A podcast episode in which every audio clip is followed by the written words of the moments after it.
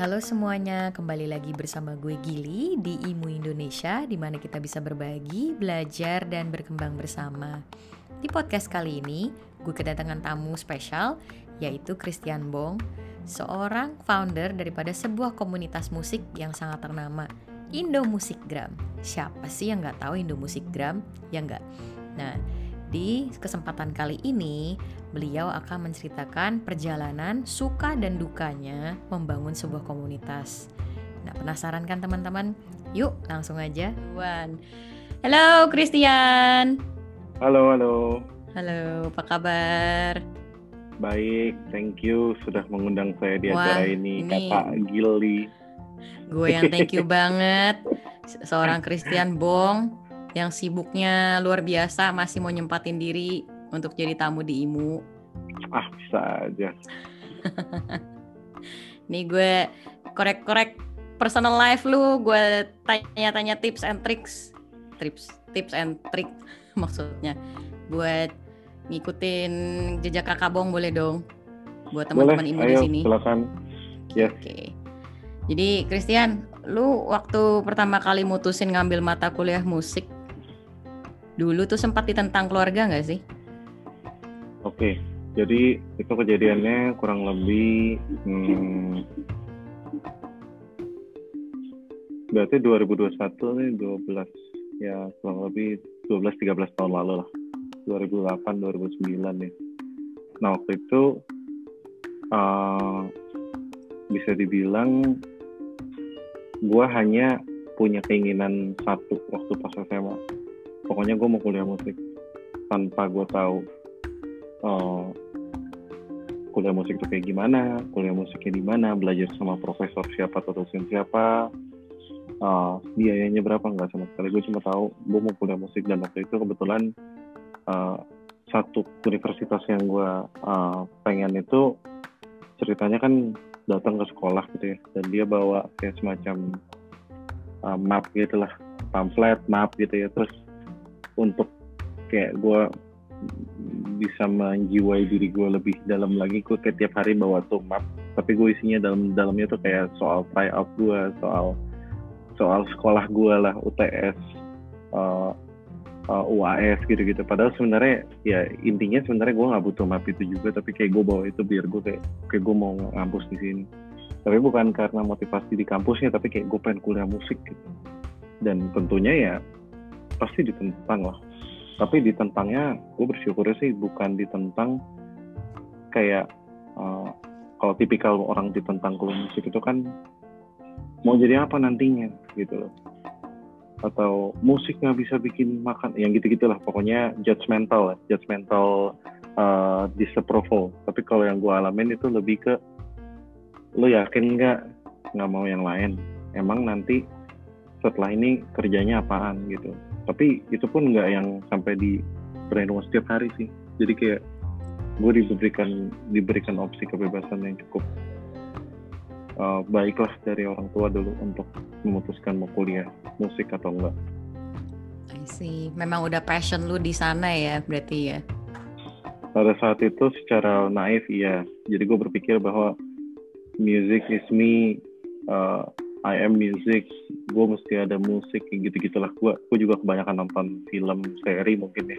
Jadi waktu itu SMA itu gue lagi seneng banget nonton Nodame Cantabile. Nodame Cantabile itu uh, kan bisa dibilang dari manga ke anime ke live action terus karakter utamanya itu konduktor. Jadi gue kayak dan dia kuliah musik jadi gue kayak anjir gue pengen banget kayak gitu jadi gue dulu ya ya kepengennya tuh gitu ya jadi kayak menarik gue juga berasa ya. Orang yang gue inspirasi passion lu, gue itu gitu.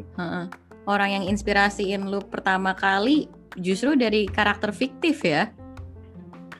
jadi bisa dibilang kalau gue gue cukup dekat dengan dunia fiktif ya jadi gue eh, satu satu hal momen yang mungkin ini nggak nggak terlalu nyambung sama pertanyaannya cuma dulu gue pernah ngal- ngalamin turning point dalam hidup 2008 tahun-tahun itu juga tahun-tahun gue memutuskan untuk kuliah. Jadi waktu itu gue sakit sakit yang lumayan sampai bikin gue diopnam gitu ya. Terus pas pulang diopnam tetap sakit gitu.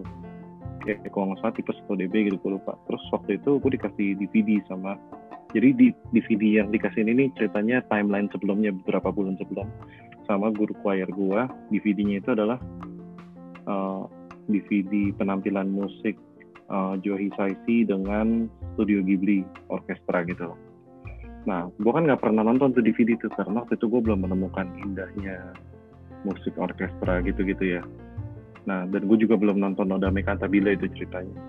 Jadi waktu pas itu gue sakit karena gue cuma diranjang, gue nggak bisa ngapa-ngapain. Jadi gue cuma, ada gue buka-buka tuh semua DVD yang gue punya. Eh, gue temu tuh, oh iya, gue pernah dikasih ini sama uh, guru choir, gue tonton. Pas, pas gue tonton, gue ngeliat tuh Joey Saisi, si konduktor, waving depan puluhan ratusan player dan uh, menurut gue itu majestic banget ya dan gara-gara itu gue gemes keluar keringat di tangan dan akhirnya sembuh gitu dan momen itu gue ngerasa anjing musik sembuhin gue bangke gue kayak gila gila gila musik is me my life is music I should be me gue lu tau gak sih gue jadi kayak fit my ego and dream bahwa gue adalah orang musik yang harus menempuh jalur hidup gue sebagai musisi. Nah akhirnya di situ domino apa snowball efeknya jadi gue ke nonton Nodame gue fight untuk gue masuk kuliah musik gue reguler apa segala. Dan sampai hari ini gue tetap di musik. Akhirnya sebenarnya dimulainya dari kepercayaan yang gue bangun dari dunia uh, yang tadi ya fiktif karena studio Ghibli kan dunia fiktif ya.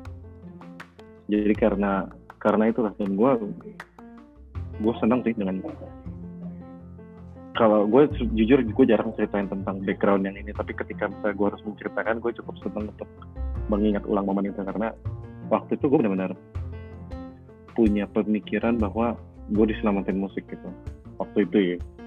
Wow. Wow amazing amazing. Jadi itu turning point lu di 2008 karena penyakit ya berarti ya? Betul. Tapi wow. mungkin bukan yang bukan yang azin penyakit kayak uh, penyakit yang tidak bisa disembuhkan gimana tapi benar-benar penyakit yang lumayan bikin gue diranjang doang. Terus gue cuma bisa nonton TV waktu itu kan belum ada internet yang kayak sekarang kan. Nice. Wow. Terus jadi kalau orang yang non fiktif yang inspirasiin lo untuk ngambil jurusan musik ada nggak? Hmm, sebenarnya kalau yang lo idolakan gitu. gini kalau spesifik ambil jurusan musik itu sebenarnya ada beberapa orang yang memang benar-benar apa benar-benar uh, real ya.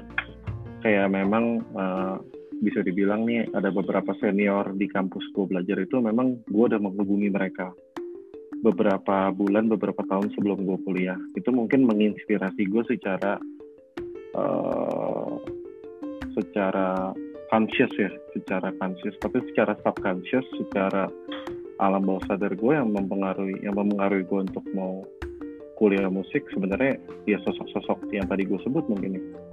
Jadi hmm. si komposer studio Ghibli, Joe Hisaishi, terus komposer musik game ada satu juga yang sangat gue idolakan, Nobuo Uematsu. Jadi gue sangat sangat lumayan kental lah gue kalau dari uh, kultur Jepang. Jadi memang gue ngeliat mereka anjir mereka keren banget. Gue mau ah mengisi hidup gue dengan musiknya. Jadi gue kayak membuat jalur dari variabel pemikiran bahwa gue melihat mereka sebagai orang musik yang keren gue gimana cara sampai situ? Ya udah gue harus isi hidup gue dengan musik salah dengan kuliahnya gue musik karena gue berpikir kalau kuliahnya gue yang lain musiknya gue jarang dong seminggu sekali seminggu dua kali. Kalau musik tiap hari ya udah gitu. Jadi kayak ada dua sumber motivasi gitu yang pertama gue ngomong sama senior yang kayak mereka jelasin ya nanti kegiatan lu gini gini gini gini tiap hari gini gue makin semangat dong. Wah anjir. Gue bakal gini. Terus yang satu yang gue tidak kenal dan gue berusaha berasumsi gue baru bisa jadi begini kalau gue kuliah musik gitu jadi gue membangun asumsi gue gue gue sendiri bahwa gue baru bisa kayak gitu kalau gue kuliah musik lebih ke kayak mind manifestation ya Iya. Yeah. Nice, nice. Wow. Lu ngerasa nggak uh, pas kuliah dulu tuh, lu nemuin kesulitan nggak selama empat tahun kuliah musik gitu?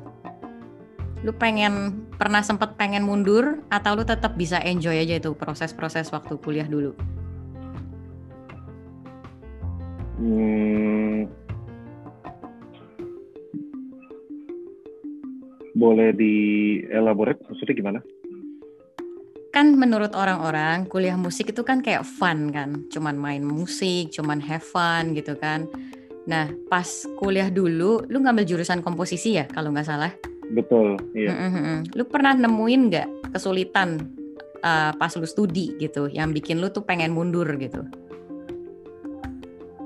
Hmm, kalau kesulitan ezin kayak kesulitan memecahkan masalah atau kesulitan menjawab pertanyaan sih enggak ya karena menurut gue musik itu sebenarnya hanya uh, oh, sorry. Kebetulan musik yang gue ambil jurusannya dulu adalah jurusan kreasi penciptaan.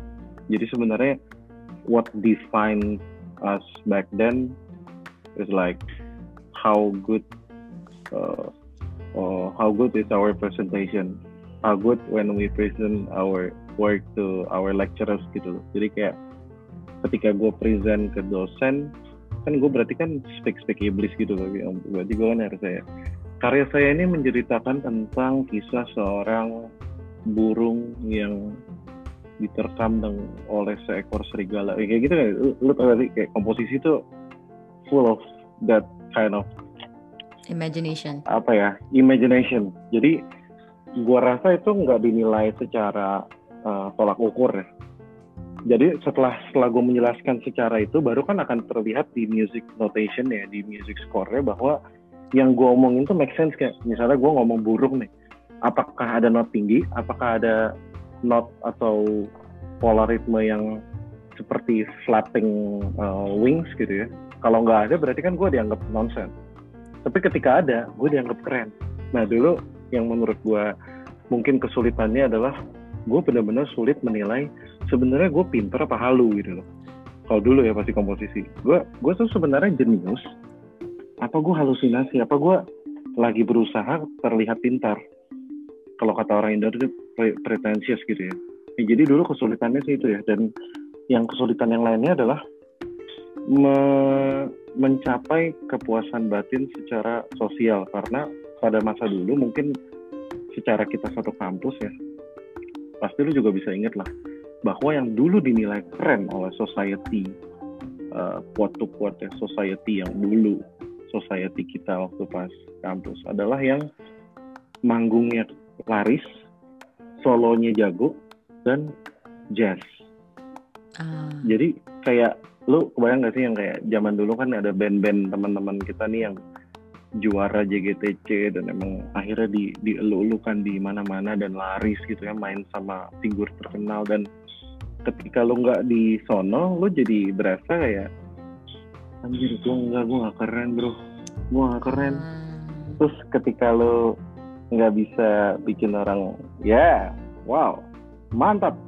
ya yeah, gitu kan yel-yel yang dikeluarin orang ketika kita lagi ada isian-isian yang keren nih misalnya lagi uh, The falling leaves,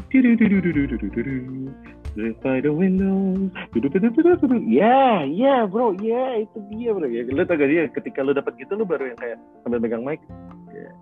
Ya, gue jago anjir. Gitu. Tapi ketika gue dulu di komposisi gue nggak punya, gue nggak punya sisi itu. Karena kan improvisasi itu tidak ada dalam bukan tidak ada ya, tidak tidak menjadi hal yang uh, menandakan kejagoan kalau dalam komposisi. Itu malah bikin lo kelihatan sorry to say nggak terplan nih agak bego malah jadinya. Jadi gue dulu sulitnya itu ya. Yang pertama menilai gue sebenarnya. Do I do I really fit for this am I really uh, a good composer? Yang kedua ya gue tuh ngapain sih sebenarnya ngapain sih gue kuliah? Orang nggak ada yang peduli juga sama karya gue orang gue juga nggak nggak dianggap sebagai musisi keren. Orang lagu yang gue mainin juga dianggap B aja pop gitu loh misalnya gitu. Berarti lebih ke self doubt karena pressure lingkungan ya? Karena nggak nggak satu hmm. pol nggak satu kubu gitu ceritanya nah mungkin gue nggak mau bilang ke kubu lebih ke arah uh, genre. what's what's cool ya. Uh, Ah. enggak gue gue nggak bilang. Jadi ada juga genre rock gitu yang memang keren gitu. intinya sih musik yang bisa membuat orang tuh terhibur dan bisa yeah yeah mantap gitu. Even kan dulu di klasik kita ada teman-teman kita yang sangat keren di klasik kayak Faris gitu ya misalnya. Eh, menurut gue kan dia keren dengan cara dia di bidang dia dan tetap ada isian iya mantap. Meskipun yang dia mainin Nelis gitu kan ya Rahmaninov tapi kan tetap ada bagian yang tidur nah komposisi itu kayak kurang ada gitu. Hmm. terutama gue ya komposisi modern apa anjir? Oke oke, cukup menarik sih perspektif lu. Nah, oke. Tapi so far, maksudnya setelah yang lu lewatin itu empat tahun proses yang lu lewatin dengan self doubting dan mungkin peer pressure juga, tapi lu enjoy aja ya. Em, ya gue berhasil untuk survive selama empat tahun itu.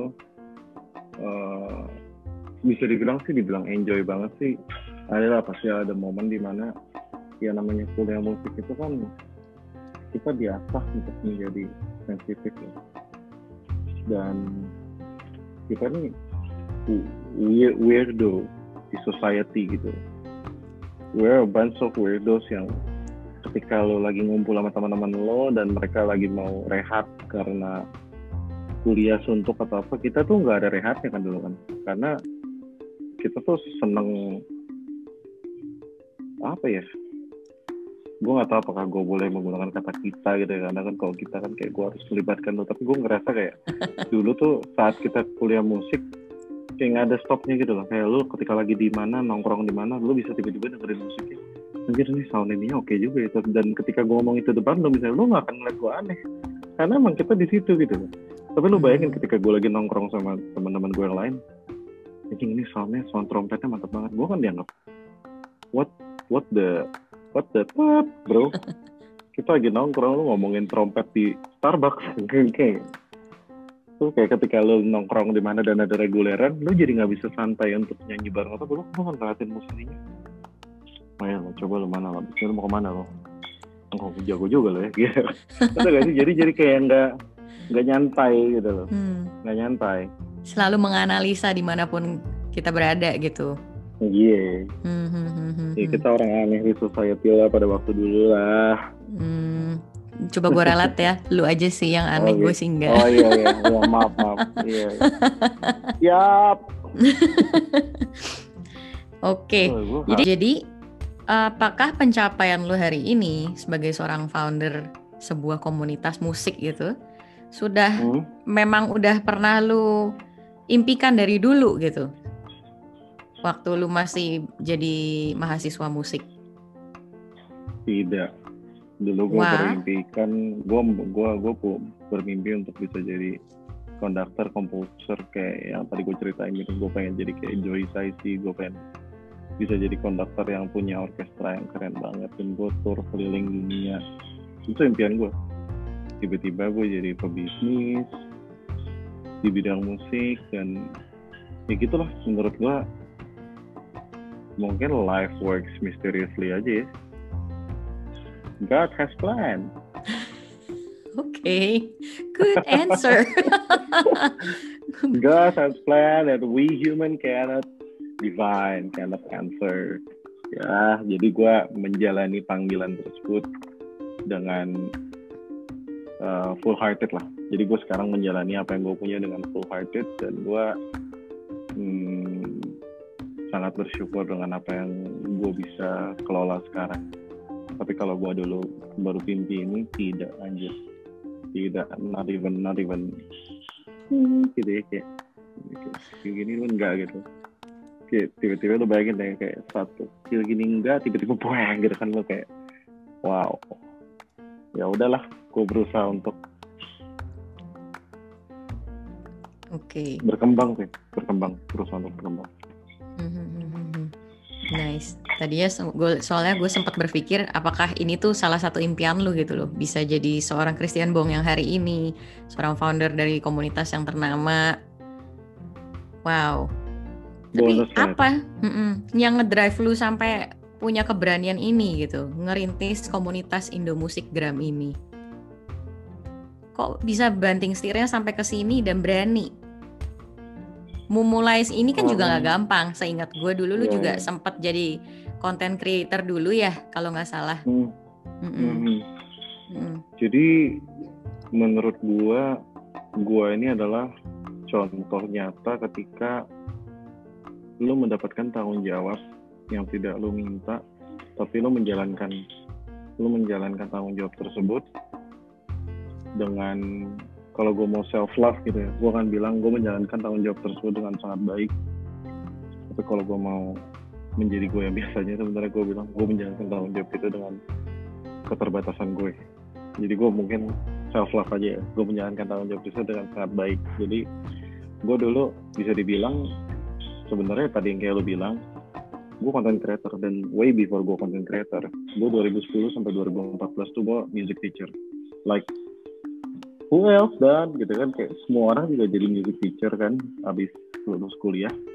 Jadi kayak uh, gue dulu ngajar gitar ngajar vokal pop ngajar ngajar yang gue yang gue capable ya.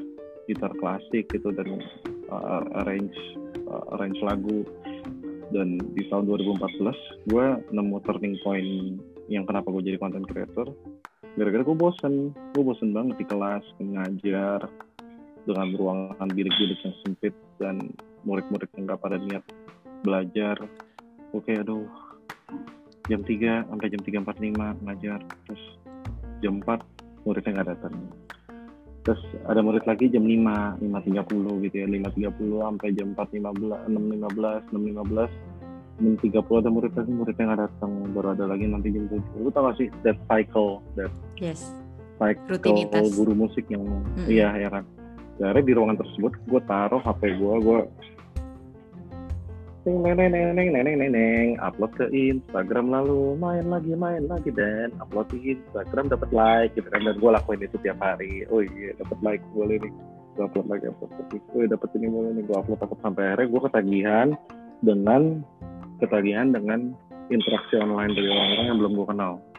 Nah di situlah gue merasakan oh ternyata ada pintu ini ya. Dan gue cukup beruntung gue cukup beruntung karena 2014 itu gue langsung kenal sama pemain-pemain terbaik jadi buat beberapa orang yang mungkin nonton ini juga mungkin tahu gitu bahwa gue satu generasi dengan uh, OG content creator di Indonesia yang terbaik yang sekarang ada.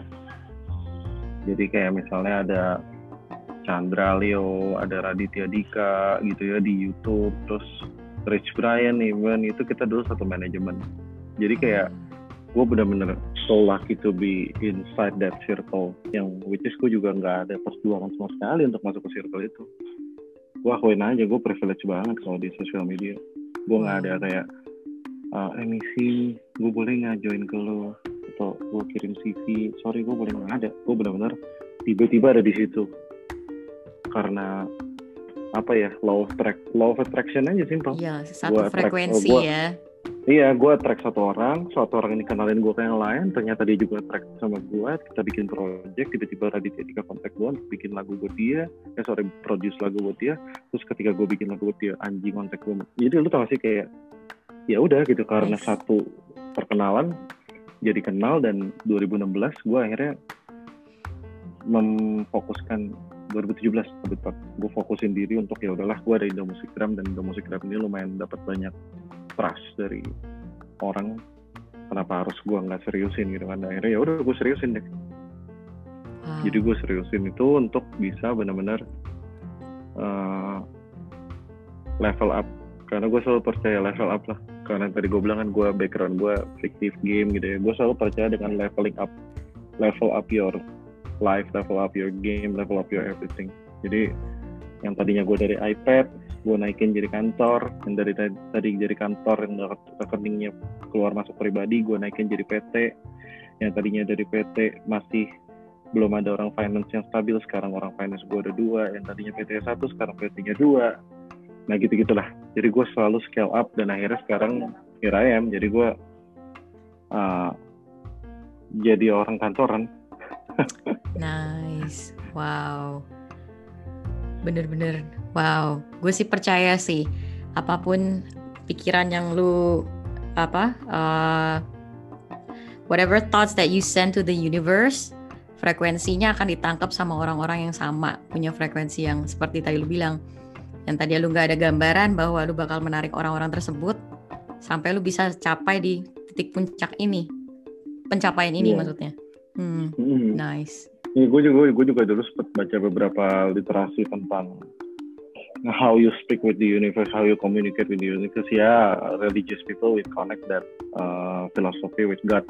How you how you how you express your dreams to God dan lu berdoa apa tapi kalau gue sekarang gue udah nggak terlalu gue jujur gue nggak terlalu berpikir secara situ karena gue sekarang lagi di titik bukannya berarti gue jadi nggak berdoa atau apa ya tapi gue lagi di titik action speak louder than everything else gitu jadi gue kayak sekarang berusaha untuk oke okay, gue udah pernah ngelewatin fase-fase di mana gue uh, berpikir kayak gitu gue sekarang harus bisa mengkalkulasikan apa pun yang bisa. Jadi contoh misalnya kalau kayak tadi gue eh kalau kayak dulu gue berpikir law of attraction gue hanya perlu terlihat baik di satu orang lalu tiba-tiba nanti orang ini akan kenalin nah itu kan sebenarnya lucky ya. Nah kalau sekarang I have to calculate. Jadi misalnya contoh gue mau kenalan sama satu orang di ujung sana dan ketika gue mau kenalan satu orang di ujung sana gue harus bisa kenal sama tiga orang. Ya udah yang akan gue lakuin adalah mulai kenalan sama satu orang di depan. Dan gue make sure orang yang kedua juga kenalin gue dari itu. Gue harus make sure. Kebayang nggak? Jadi gue lebih dewasa untuk menanggapi chance. Kalau dulu kan gue kayak ya satu orang cukup lah dikenalin bagus enggak ya udah gitu. Sih sih oke. okay. Terus uh, di posisi lo yang hari ini berarti kan lu udah bisa diklaim sebagai seorang public figure ya? Yes. Uh -uh. ada downside-nya nggak jadi seorang public figure? Sebenarnya gini ya definisi itu agak agak berat ya buat gue karena kalau di Indonesia uh, public figure itu kan dikaitkan dengan seberapa terkenalnya kita biasanya. Seberapa sering masuk TV seberapa banyak followers seberapa banyak cult followers mungkin.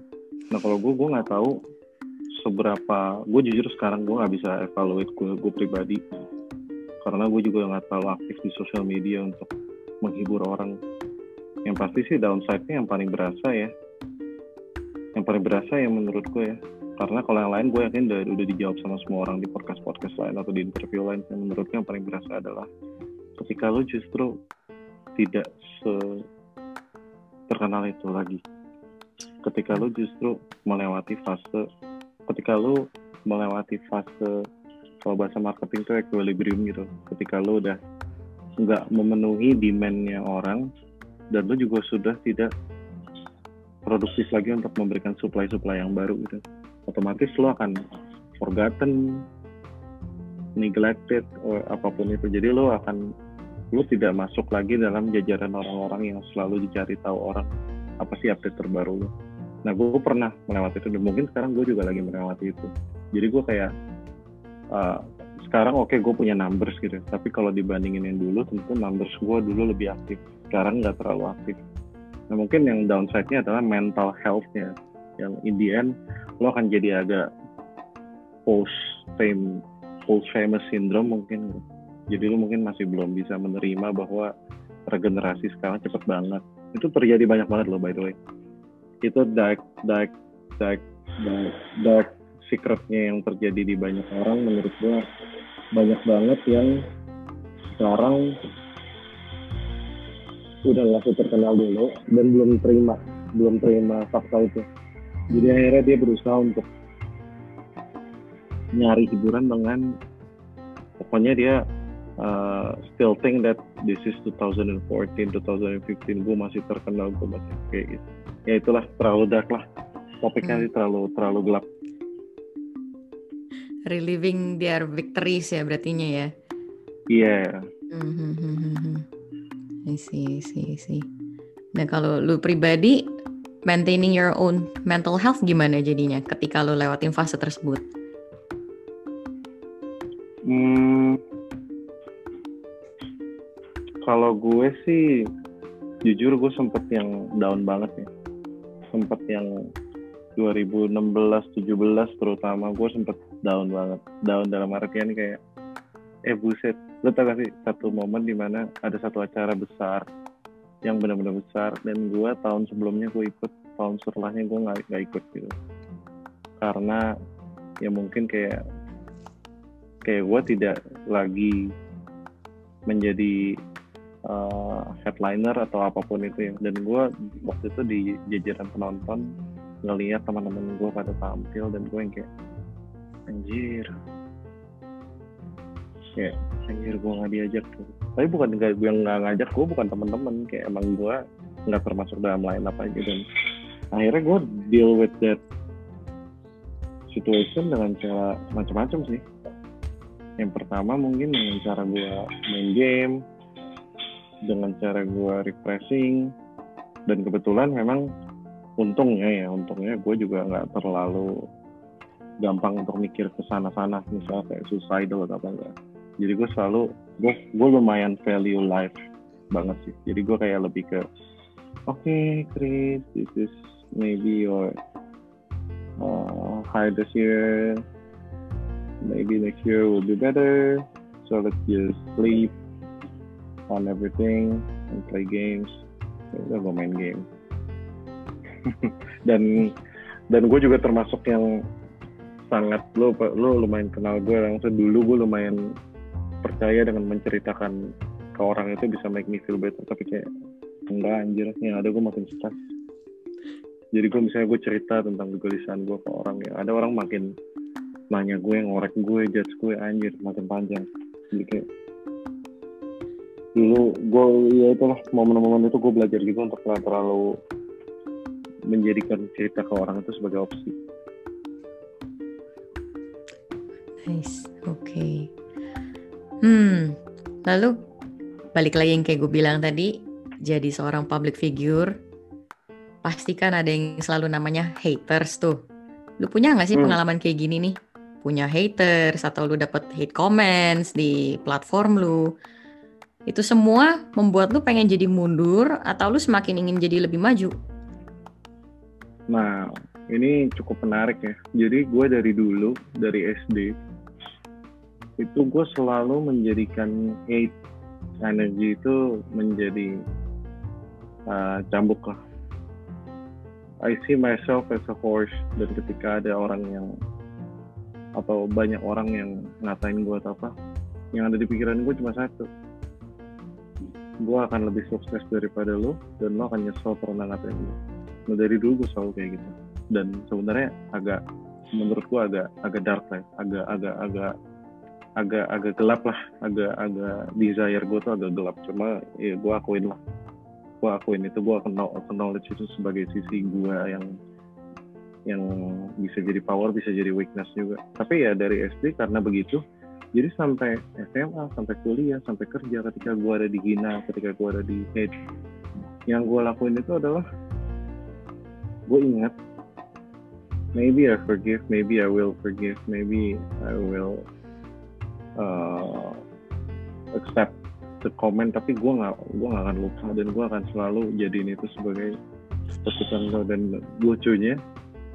Gue selalu berhasil sampai detik ini ya ketika ada yang hate gue for nothing ya. Tapi ini dibedain ya ada yang marahin gue karena emang gue ngelakuin kesalahan ada yang benci gue atau platform gue tanpa kami melakukan kesalahan emang benci aja merasa bahwa kami nggak pantas atau apa pun itu dan gue fight backnya dengan uh, result gitu KPI dengan apa yang benar-benar bisa di achieve dan habis itu gue compare my life compare hasil uh, kerjaan gue dengan apa yang dia gitu. Dan gue kayak anjir jauh banget bro sis kayak gila lu gak malu ya ngatain gue dengan posisi lo yang tekerdil itu? Gue gue akhirnya gue berpikir kayak gitu.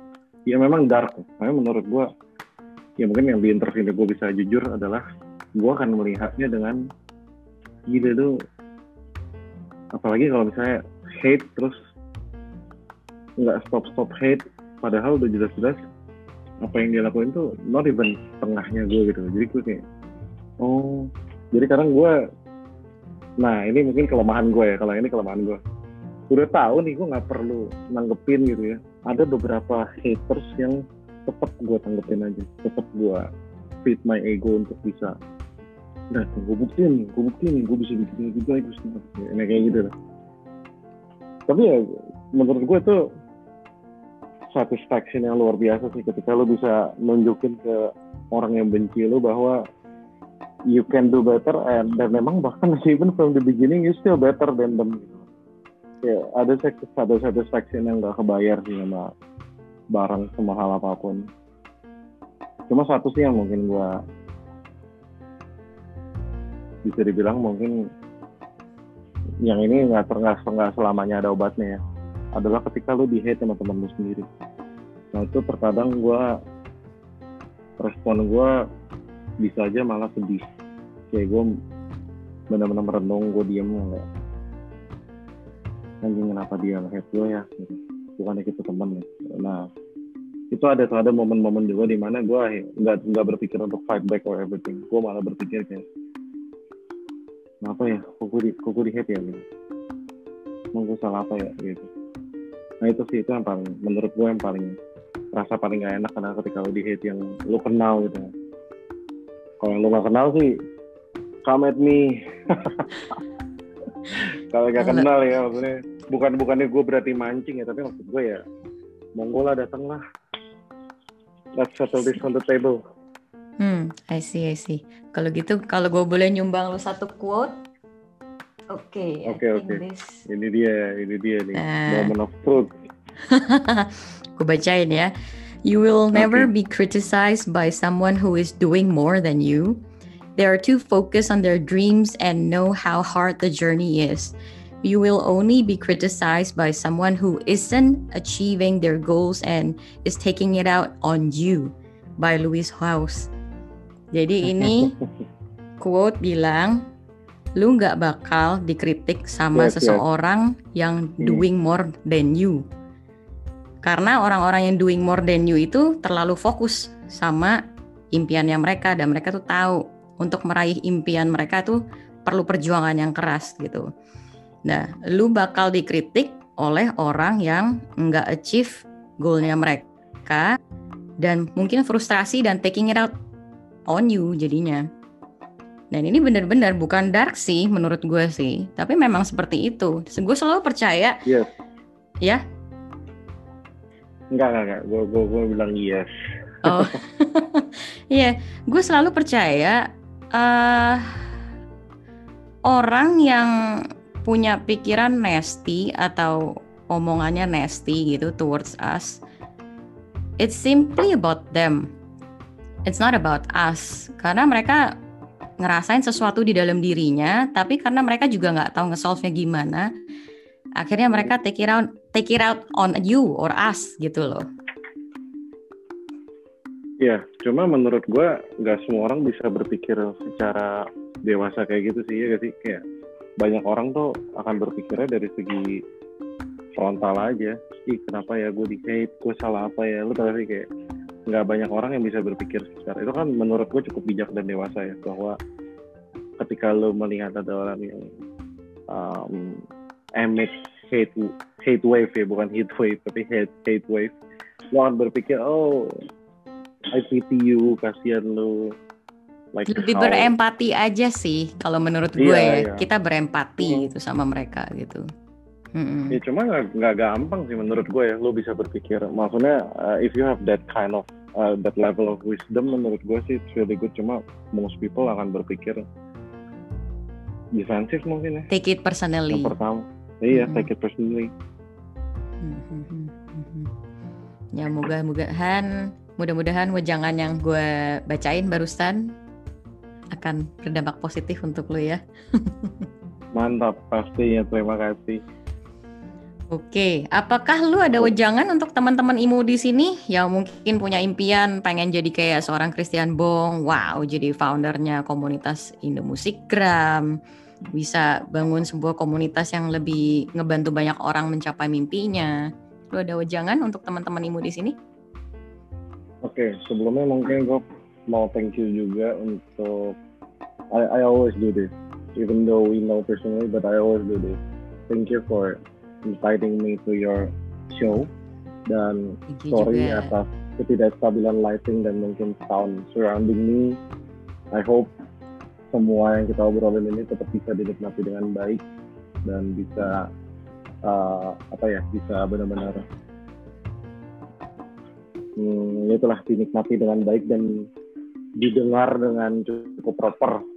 Nah kalau gue sih gini, menurut gue nowadays we live in the era of freedom, like like almost total total freedom ya, like people like us bisa bikin show kayak gini, bisa bisa meng- mengutarakan opini seperti ini. Dan mungkin somewhere someday someone out there bakal ngelihat talk ini dan akan inspired by us dan maybe our our talk will, will change their life or his or her life. Dan dia akan membuat keputusan besar karena menonton ini. Dan menurut gua hey we cannot do this back then 10 years ago or 20 years ago gitu. Yang yang punya hak untuk ngomong kayak gini adalah orang-orang yang punya power kan. Orang-orang yang punya akses ke media orang-orang yang memang profesinya adalah pembicara. Jadi menurut gua yang bisa gue sampaikan adalah be that one who give good inspiration. Karena uh, uh, kita tuh nggak pernah tahu uh, apa ya nggak pernah tahu apa yang kita lakuin hari ini baik itu dari IG story kita dari IG feed kita dari TikTok video kita akan seberapa impact ke orang. Nggak nyuruh jadi orang baik ya tapi good inspiration. Good inspiration doesn't doesn't always have to be the being a good person. Bisa aja kita jadi anti hero juga kayak Venom gitu ya. Kalau emang lu suka Suicide Squad gitu ya. Misalnya lu suka being a bad person is yang ngelakuin hal baik. Menurut gue that that's not uh, nothing wrong with that lah. Kayak gue nggak pernah against dengan orang figur-figur yang mungkin smoking on the screen tapi dia do good gitu ya menurut gue gue nggak masalah. Atau dia uh, a divorced person yang mau peduli maksud gue kan terkadang uh, the honest the most honest person on- in the room orang yang sebenarnya udah pernah ngelewatin hal yang sangat buruk gitu ya. Jadi menurut gue if you have the chance to inspire someone ya give good inspiration. Jangan lo malah jadi orang yang ngasih inspirasi jelek ke orang untuk make someone even lebih merasa kecil atau lebih merasa buruk dibanding itu. Ya, salah satunya adalah menjadi seorang hater. Menurut gue itu nggak banget. Karena dengan lo menjadi seorang hater, lo bisa mengajak orang lain untuk menjadi seorang hater juga dan ketika lo bisa mengumpul membuat komunitas hater misalnya, lo kan akan membuat orang-orang ini sebenarnya nuraninya kena gitu loh. Dan mereka akan inspired dan in the wrong way bahwa ternyata hate orang seru juga ya guys punya common enemy itu seru juga ya dan ya menurut gue sih itu nggak cantik lah gitu Wow. jadi good luck teman-teman ini Wow, itu jangan yang amat deep ya dari kakak Christian ya. Dan satu pertanyaan inevitable dari Imu adalah apa impian lu ke depannya sebagai seorang founder daripada komunitas musik ini? Mau lu bawa ke mana kah komunitas ini? Oke, um, right now gue punya dua PT. Yang pertama bakat kreasi musik dan visual, yang kedua acuan bakat pemancar berkat. Ya, namanya emang keren banget sih.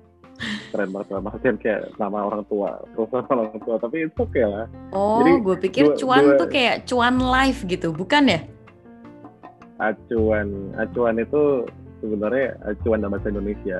Oh, acuan. ya karena iya acuan bakat pemancar berkat iya itu dia Ah, nah harapan gue sih intinya gue nggak banyak yang muluk-muluk ya. Harapan gue perusahaan gue bisa berkembang bisa menjadi perusahaan yang eh, beromset terukur scalability-nya bagus. Misalnya kalau tahun ini 1M tahun depan 3M tahun depannya lagi eh, dimultiply jadi tiga jadi 9 m tahun depannya lagi bisa dimultiply jadi empat jadi 36 selalu scale scalability-nya itu bisa terjaga. Selalu berkembang jadi hmm. hmm, itu satu ya secara real ya. Gue bicara omset lah. Lalu yang kedua gue bisa mengkurasi bakat-bakat yang benar-benar memang pantas dari si label yang di PT yang acuan ini. Bisa mengkurasi bakat-bakat yang memang deserve untuk dikenal lebih banyak.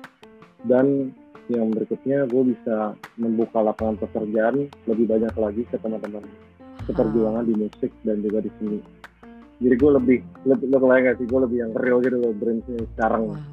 kalau dulu mungkin gue kayak harapan gue ya gue bisa menjadi baik untuk orang gue bisa ya menurut gue itu that's that's so cloudy gitu kayak gue sekarang ya. Omset besar kurasinya bagus means gue bisa buka lapangan pekerjaan. Simple. Oh. jadi dengan gue bisa kayak gitu menurut gue fulfilling life gue adalah ketika gue bisa jadi berguna buat orang secara real. Nice. Bukan bukan secara yang gue pikir sendiri gitu ya tapi benar-benar real. I give impact to people and that's real. Ada orang yang kerja sama gue ada orang yang menggantungkan hidupnya sama perusahaan gue itu kan real. Itu memang yang akan gue kejar. Wow. Nice. Wah bincangan hari ini bener-bener wow. Mudah-mudahan gue aja juga terinspirasi ya sama obrolan kita. Gue harap Uh, I wish teman-teman Imu yang di sini nonton juga bisa terinspirasi oleh Kak Christian di sini. Wow. Siap. Mulia sekali Anda sampai bisa ngomong mau membuka lapangan apa kerjaan untuk orang lebih banyak lagi. Wow, that's so karena, nice. Karena karena karena memang faktanya saat ini karyawan gue udah ada 15. Tidak termasuk gue udah ada 15 orang dan memang gue lumayan lumayan bangga juga lah gue bahwa di tengah pandemi seperti ini gue tidak ada policy potongan gaji sama sekali ke mereka. Jadi gue tetap uh, full dan memang mungkin kalau secara market uh, market price mungkin gue belum bisa memberikan uh, penawaran gaji yang benar-benar wow kayak karyawan kayak perusahaan-perusahaan yang udah benar-benar gede gitu ya misalnya udah ada level gaji kepala dua yang banyak tapi gue happy lah gue bisa benar-benar ya dari level UMR sampai satu setengah sampai dua kalinya juga gue ada gitu di di jajaran karyawan gue jadi gue kayak memang I'm planning to have at least di kantor sekarang 30 maybe 30 employees wow Wow, that's that's cool. Di usia yang lumayan muda banget, tapi udah tapi pencapaiannya sudah wow. I'm amazed karena gue juga udah tahu lu dari dulu ya. Yang seorang ya. Christian yeah. yang dulu, yang naif, sekarang jadi berkembang banget. wow, luar biasa. Thank you banget Kak Christian udah nyempatin waktu Sama. di IMU buat sharing-sharing. Nih kalau misalkan teman-teman IMU nanya nih, wah Kak, nih aku tertarik nih pengen konsult dong sama Kak Christian atau siapa tahu pengen jadi salah satu talent juga di apa tadi acuan entertainmentnya itu, hubungin Kak hmm. Christiannya ke mana nih? kalau untuk mau ngobrol secara pribadi sebenarnya DM Instagram gue pasti gue baca sih. Tapi kalau di mana? Boleh tolong disebutin? Di at Christian Bong C H R I S T I A N B O N G di Instagram. Atau kalau pengen email ya silakan email ke ada di uh, bio Instagram gue karena beberapa kali ada juga yang mau minta gue jadi pembicara untuk di acara mereka atau minta gue untuk jadi narasumber tugas akhir. Nah itu salah satu yang gue cukup bangga juga ya. Gile Indonesia Gram tuh udah berapa kali jadi TA-nya orang loh wow. Jadi kayak TA TA anak-anak kuliah gitu dan TA-nya tuh dari kampus-kampus yang lumayan lumayan gitu bukan dari gue gue bukan mau disregard kampus yang di luar yang luar lumayan tapi menurut gue lumayan ada yang maksud gue lumayan adalah yang benar-benar se Indonesia tahu gitu. Jadi kayak oh wow kayak gue gue kayak emang judul lo apa gue tanya kan kayak ini kak pengaruh Indo musik gitu. Uh gue udah gila Indo musik di depan kampret. Gue kayak oke okay, siap. Siap sini datang terus kayak gue akhirnya gue berteman dengan mereka mereka itu yang menjadikan apa yang gue lakuin ini sebagai bahan studi kan terus gue kayak gila berarti itu impact gue sampai ke edukasi juga loh. Bukan gue sorry impact yang gue kerjain ya. Impact gue kayak sombong banget tapi kayak impact yang gue kerjain nampak dan gue kayak gue simpenin tuh semua PDF PDF tesisnya mereka gue simpenin karena gue senang membacanya kayak I've been there ya maksudnya you've been there we've we've been there itu yang kita yang kita kita yang kuliah gitu. kita tahu capeknya bikin tesis kita jauh capeknya cari narsum dan ketika someday lo dikasih kesempatan untuk menjadi narsum kan kayak that's amazing wow iya yeah. keep inspiring people ya jadi Mantap. untuk uh -uh, untuk yang tadi gue tanya kalau ada teman-teman ingin ngehubungin uh, jadi talent lu atau gimana lewat semuanya lewat DM Instagram aja nih. Iya silakan. Soalnya memang gue saat ini actually gue tidak membuka uh, kayak semacam oh iya teman-teman saya lagi mencari silakan. Sebenarnya ah. lagi enggak karena sistem gue scouting itu juga manual ya. Ah. sekarang masih manual jadi gue memang mencari sendiri. Jadi tapi feel free if you if you think you have talent if you think you you wanna work with me if you think you wanna pitch something to me or my team ya silakan as simple as kirim DM kirim email gitu sih ini kayaknya gue yang kirim nih nanti bentar lagi nih waduh repot itu jadi advisor nanti. Aduh, Aduh. gak tahu, maaf. Oke okay, deh kalau kayak gitu. Thank you banget Kak Christian untuk waktunya, untuk sharingannya hari ini. Sukses terus Sama-sama. untuk bisnisnya ya dan yang lain-lain sehat terus juga ya. Oke. Okay. Terima kasih untuk teman-teman Imu Indonesia yang telah menonton podcast kali ini. Jangan lupa tekan tombol like dan subscribe. Apabila teman-teman merasakan manfaatnya, silahkan di-share.